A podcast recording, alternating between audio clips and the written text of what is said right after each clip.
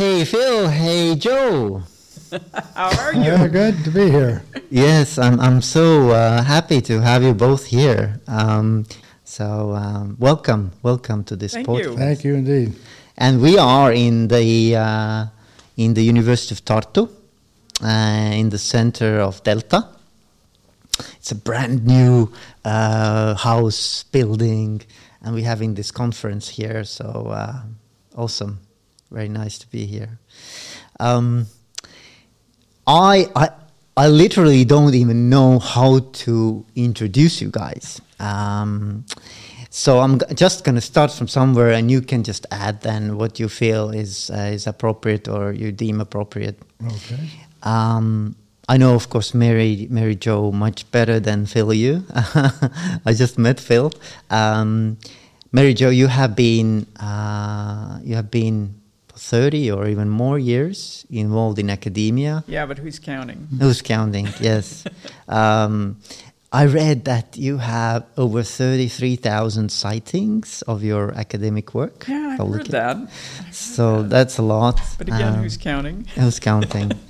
and your primary interests, research interest, and also teaching interests have been around organizational culture, identity, branding, and I also know that you've worked on humor, Yes. um, arts, Yes, absolutely. That's my passion currently. um, jazz, Uh huh. Yep. um, paintings, stuff like that. So yeah, combining different uh, different interdisciplinary fields. Yeah, studying organizations and and organizing. And Phil, you have background in psychology. Yes.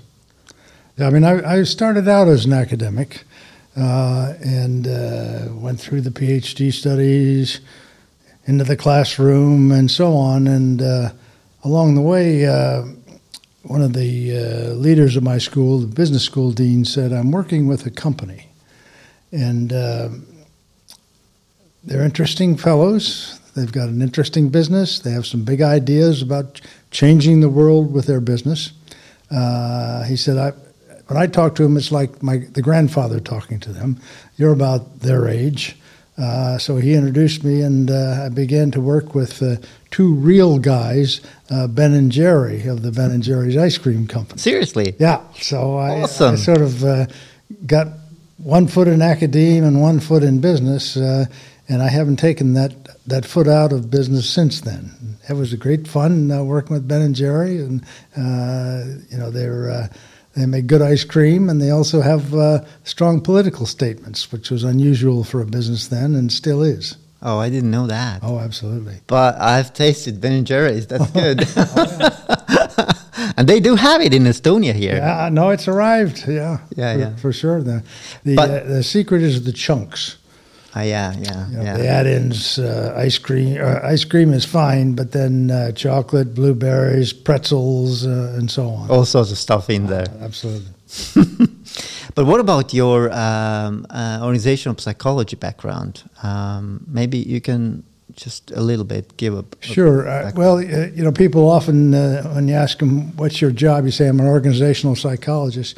They either uh, start telling you their problems or want to lie on a bench and uh, tell their story. I said, "No, no, that's not my job. Yeah. I'm not a therapist, uh, at least not a formal therapist. I study." Uh, uh, not individuals, but uh, what happens when people come together in an organization. And there's great differences. There's differences, in, obviously, in size and how tall they are, and uh, whether they're uh, more or less uh, community minded or uh, just profit oriented. And, and uh, as Jo knows all too well, very different cultures. yeah, yeah, yeah. And that becomes a, uh, an area of study and sometimes to helping people. So, so you are currently also involved in helping clients uh, in different organizational change projects. and- Absolutely. yeah, yeah. Okay, so what I would be really interested, and this is an awesome opportunity for me to dig into this, is maybe you guys can share some of the stories, some of the experiences that you have had while uh, working with organizations, studying organizations, um, and maybe the the overall kind of a topic or or kind of a, uh, framework to think about as as culture or values. Like like I know managers are talking a lot about organizational culture and building organizational culture, um, creating culture. Anything that pops up in your mind right now, what what as, what kind of associations do you have immediately? Well, the first thing that comes to my mind is are, re- are people really now talking about creating culture? Because when I was working with organizations, what they wanted to do was change their culture. Ah, okay. And I mean, this may be very old knowledge. Phil's probably more the person to talk about about creating culture because I saw him actually do it. but uh, in the culture change area, what I had to always do was disabuse managers of how how easy that would be. And the only two ways I know to change culture are to fire about half your employees and bring in a whole new crew. And that will instantly change your culture, but you can't control in what direction. Or you can wait 25 years and slowly evolve your through your influence the direction that the culture is going to take. But other than that, it's it's not really possible to just, you know, I'll come in on Tuesday and change your culture for you. But it's interesting to mm-hmm. me that you ask about creating culture. I, I'm very gladdened to hear that the managers you're talking to are thinking in those terms because that's really important and becoming more important as we move into this new age of who knows what's going to happen next with mm-hmm. Zoom and you know remote work and internationalization. I mean, the things are really, really different. I'm kind of glad I'm retired so I don't have to deal with it all. but maybe you can talk about creating culture. Well, there, there, there are two kinds of experiences I've had. One is the Ben and Jerry's is a startup story. Yeah. Where uh, you know there's an entrepreneurial mindset uh, there not a lot of resources, so everybody has to make do and make quick adaptations. Uh, the, the, structure is very informal and so on. So the only thing that holds it together is this passion to get to market and make this product succeed or make this service succeed. Number one, and and secondly, to have a uh, a sense that we're all in this together. We're not just working for the investor or the uh, uh, the boss. We're, we're all in this together. Uh, and uh, that's a great energy, and most startups uh, uh have a, a, kind of passion about them. What's tricky is uh, either when they hit their first wall, boom, uh, okay, we need to get more control in the system. Somebody's got to watch the money closer. we need more accountability, and so on. And that, that, makes it very difficult to pr- preserve that we're all in this together environment hmm. because uh, oftentimes you start getting people called managers uh, involved in looking over things and so on. Um, and uh, the other part of that is, of course, when you're succeeding wildly. You went from 10 people to 30 people to 50 people to 90 people. And suddenly you've got a, a whole number of people that have different perspectives and outlooks and aspirations. And the old timers remember the good old days. Mm-hmm. and, you know, the good old days could have been two years ago. But nonetheless, the, the new ones, they don't work as hard as we did. They're not sweating like we did, uh, et cetera, et cetera. And it's almost like a generational shift. Yeah, yeah. So it's life cycle also and connected with the organizational life yeah, cycle. Yeah, there's a, yeah, yeah. As organizations grow, their cultures either adapt uh, or they uh, die and get replaced. Yeah. And what about the influence of a founder or let's say founders? What what what comes to mind about this topic? I mean, I think about Lego Group. Yeah. Uh, they have a powerful founder story, as does Johnson and Johnson, um, where the founder somehow is kept alive in the minds and hearts of the employees, at least for very many many generations of leadership. At Lego, it was a family owned company for, I think it still is actually. Um, but they brought in uh, management that wasn't part of the family for the first time about 10, 15 years ago. And that was a profound change for them, but they needed somebody younger to take charge because the, the company was getting old and stodgy. So uh, he came in, started doing, well, he'd worked for Lego for quite a while, so he knew the culture, he knew the people but he started doing sort of the normal managerial things that you do to make the place work more efficiently, et cetera, et cetera. And one day somebody uh, came into his office, tapped him on the shoulder, and said, Come with me. And he took him over to Lego House, which was the actual place where the founder had lived, or actually, it was the founder's father had lived. He was a toy maker, a wooden toy maker. And they had preserved the house that he built, and inside of it were a lot of family artifacts. And um, you know, Jørgen Vig Knudstorp is the was the CEO at that time, and he said, you know, I think we could probably uh, do away with this. We could sell this property off and make a little money, and who needs this anymore? The guy said, please look around. so he's looking at all this stuff, and he sees these hand carved toys, and he finds this sign, hand carved wooden sign. That says the best is never good enough, or something along those lines. It was in Danish, of course. Um, and suddenly, Jørgen Vig has this moment when he realizes what the connection to the past really is for this company, and the fact that this employee had dragged him over there made him realize that this is something important. So instead of selling the place, he grabs the sign, takes it back to his office, and tacks it up behind his chair to remind him that this is a company with a very long heritage that is highly appreciated by the employees. And he starts to turn the organization around as a result of sort of getting what the place was about. So I think that's an excellent founder story. Johnson and Johnson is another one. Yeah. Um, they have uh, his the founder's grandson, I believe, wrote the credo originally, and um, they've been using this credo as you know to sort of culturally say this is what we're about and this is what really matters. And they Well, it's they an interesting one too because it's it's not about money. That's uh, not at all. investors are number six on the list. Is it? It's Yeah. First, it's doctors, patients, uh, Nurses. Uh, So stakeholders have been Yeah, put yeah, on the in Yeah. rank on the list. order. And this this happened what hundred years 100 ago. years ago, yeah. And uh, the interesting thing about it, founder-wise, is that Johnson and Johnson has become behemoth. I Yeah. mean, it's gigantic, and they periodically have so many new employees that people don't respect the culture or understand what where any of this came from. So they have, from time to time, when this happens, whoever is the CEO has said, "Okay, if we're not going to live by the credo, we're going to get rid of it because we don't want to be hypocritical." So they put out a blanket statement. We're going to have a debate about whether to keep the credo or get rid of it. Instantly, all the old guard tells the young guard why they're going to keep the credo, and they reinvigorate the culture and move on. And of course, they all So vote it's for a- it. almost like a matter of like, are we gonna like preserve the past and you know re- reinvigorate it, Yeah, yeah. or renew or it. we you know go by a different route or different Yeah. avenue? Exactly. Yeah. And, and uh, you know, there's always a founding story, and often a mythology Yeah, uh, as to uh, you know, uh, who, who our ancestors are and what they believed and so on. And sometimes gets embedded in the Constitution and is certainly taught in the elementary schools and, and high schools and so on. And uh, so, so at Walt Disney, for example, for 20 years after Walt died, people would say, well, what would Walt want? yeah, yeah. And that became a kind of ethical guidepost. Now, sometimes it's completely fake. So uh, you go to Walmart, uh, and Sam Walton, he was a miserable human being.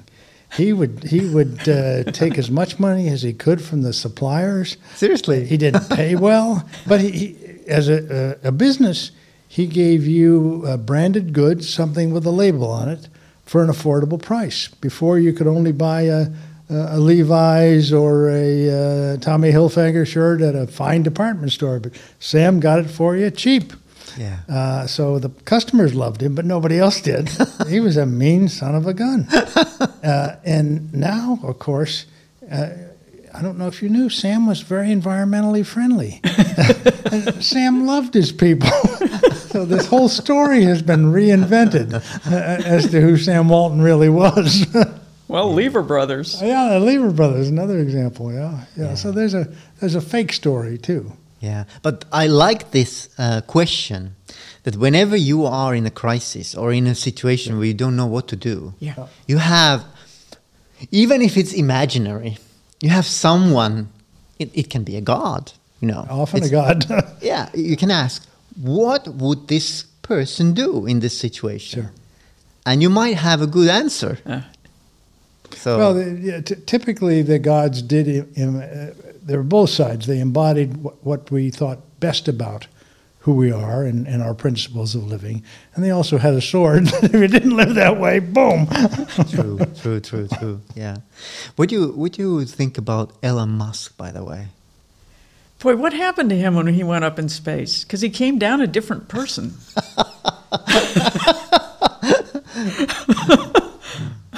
Yeah, it's a it's a complicated character. I mean, through uh, I was uh, talking to some colleagues of mine, and they referred me to an article where uh, he was talking about his going to space and other. He says, well, "We're like a philanthropy. We're doing this for the well-being and of people, and we have these electric cars. You know, it's, it's, it's a good thing and generous thing we're doing for them." And you know, and they said, "What about Twitter? Oh, we're opening up new forms of communication and so on and so on." And it, it sounds like spin. Yeah and and I I, I don't uh, I don't reg- to me the, the, issue is not just what product you make, but what values are in your culture, what uh, uh, how are people treated, uh, how are you as a human being, and so on. And I, I love Tesla cars, but uh, the management style, the uh, cultural values, and so on, and the, the self absorption of Musk don't sound to me like the the founding ideals that I'd like to see emulated. Yeah, yeah. But he's he's a hero. But but definitely there is also a connection to personal branding, right? How how the personal brand mm-hmm. will somehow spill over yeah. to everything that you you are connected with. That's also an yeah, interesting the, topic. The founder lives leaves an imprint. Yeah.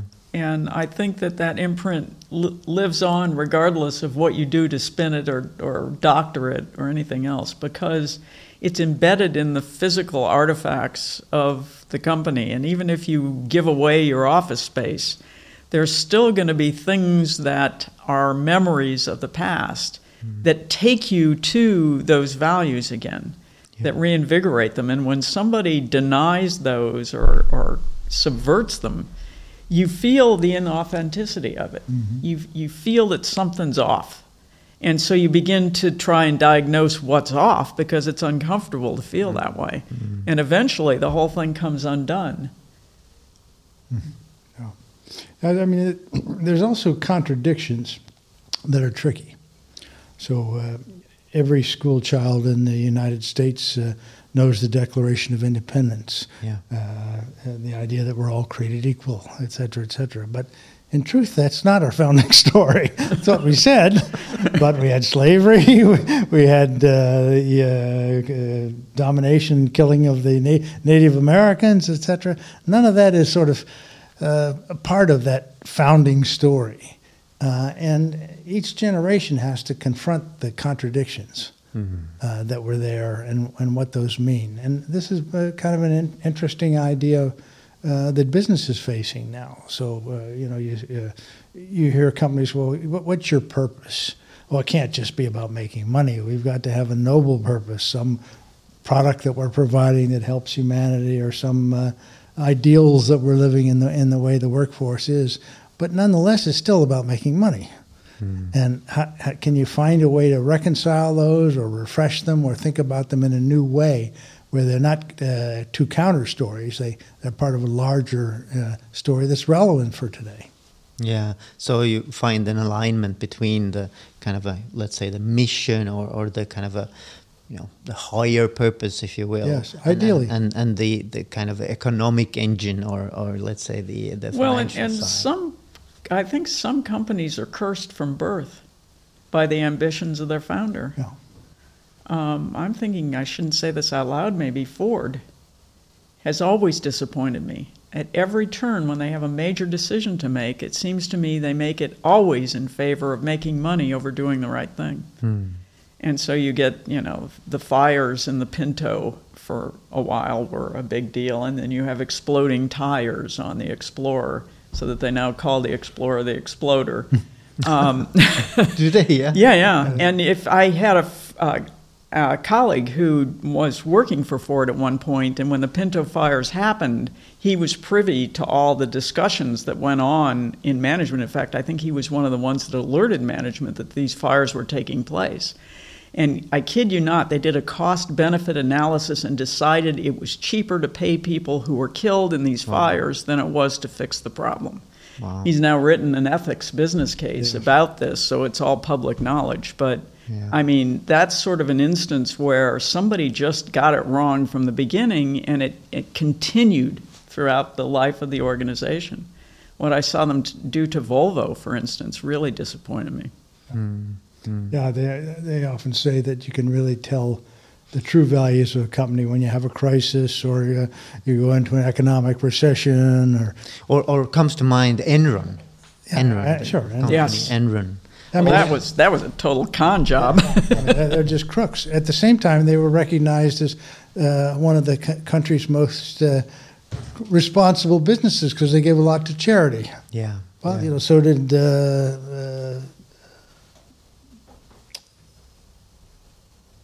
U.S. Steel. What's it? Andrew Carnegie. oh yeah. I mean, he's a ruthless businessman, but on the same time, he gave his money to create a library system in the United States. Yeah, but what comes to my mind right now, and what would be really, I think, practical for listeners as well, would be like, what should a person do in the moment they are in a crossroad? And we all, at some point in our life, are in a crossroad where we have to make a decision, right? You know in your gut what is the right thing to do. But at the same time, it's somehow so um, attractive also to go the other way.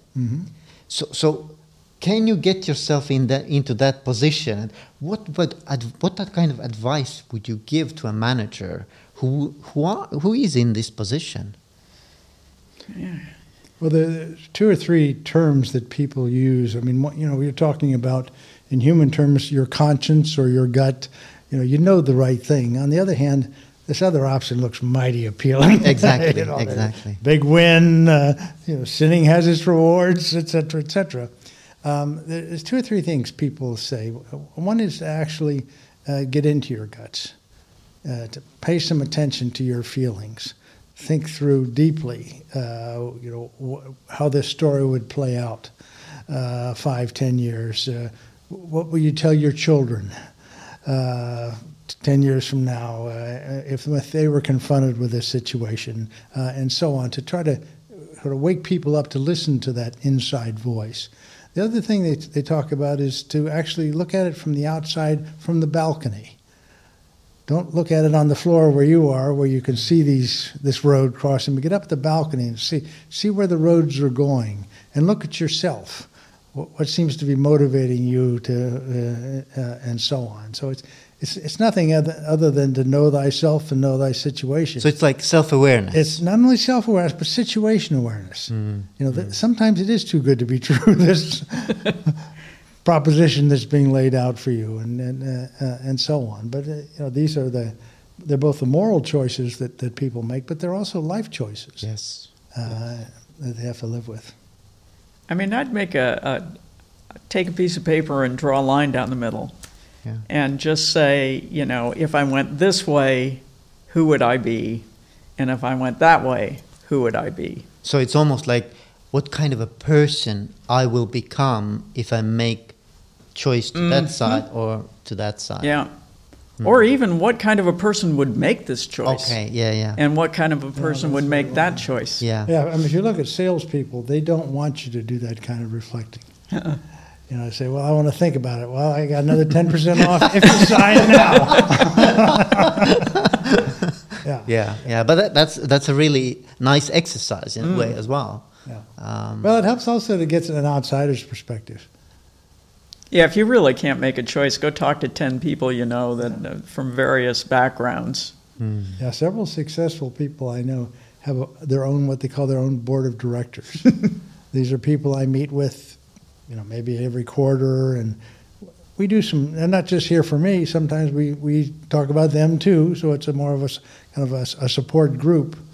But uh, that that's an extraordinary gift to have uh, as you live your life, to have others' perspective, and also to share your perspectives with others. Yeah. Sometimes you're not so clear about it until you actually say it, and they hear it. yeah. So even speaking out loud, Absolutely. verbalizing what struggles you have, inner struggles, might be already kind of clarifying Absolutely. experience. You sound like a psychologist. Well, the really frightening thing is the person who doesn't ever notice they have a struggle. Yeah, well, yeah, it can happen. Oh, sure. It can Well, happen. you're back to sales. You know, don't take the time. Only going to be trouble. Yeah. go, go, go. Oh, it's uh, it's it's really really um, uh, revealing and insightful to talk to you guys. Anything else that I haven't maybe maybe asked, but you think, oh, I, I w- would love to bring this on the table as well. Well, uh, one thing that I find interesting is uh, in the old days, quote unquote, the ideal was you go to work for a company, uh, and maybe that's even for your whole life. Uh, that has changed. And I think that's uh, there, there's some good and some bad in that.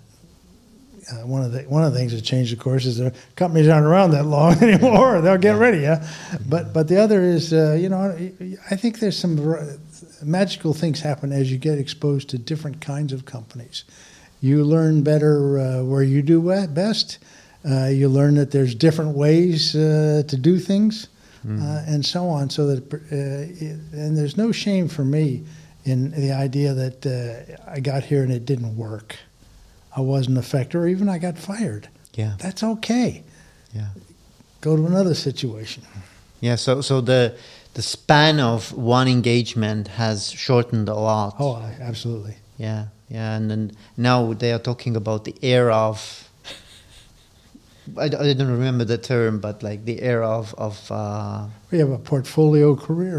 yeah portfolio career. There's one one expression, yeah. or- Yeah, yeah, yeah. Serious- Resignation, era of resignation. Oh, yes, yeah, yes. Great resignation. Yeah, Yeah. absolutely. Well, that's people asking questions about: Is this all I am? Who do I want to be? Yeah. Well, and young people growing up and seeing how their parents lived and saying, I want none of that. Yeah. Hmm. You know, it doesn't look like fun to me. Yeah, I, I maybe I shouldn't say this, but but I have uh, uh, parents who say that work is work because it's it's it's dull. but I don't think it has to be like that. No, Yeah. no, no. Well, that's that's the advantage, of, and the irony is, uh, uh, kids that are 20 years younger with you will look at you and say, "What? What's this guy doing? Exactly. Just stupid. Look how he dressed. His taste in music." now they may be more conservative. yeah, yeah. That, that, that's what some argue that the next generation, the Z's, if you will, may actually be more conservative. Yeah, yeah, it can be. Anyway, thank you guys. Sure. Thank you, Jo. Thank you, Bill. Uh, it's been an awesome time to uh, share some experiences and your wisdom. So, Well, um, thank you. Well, for thank you for the opportunity. Yes. thank you.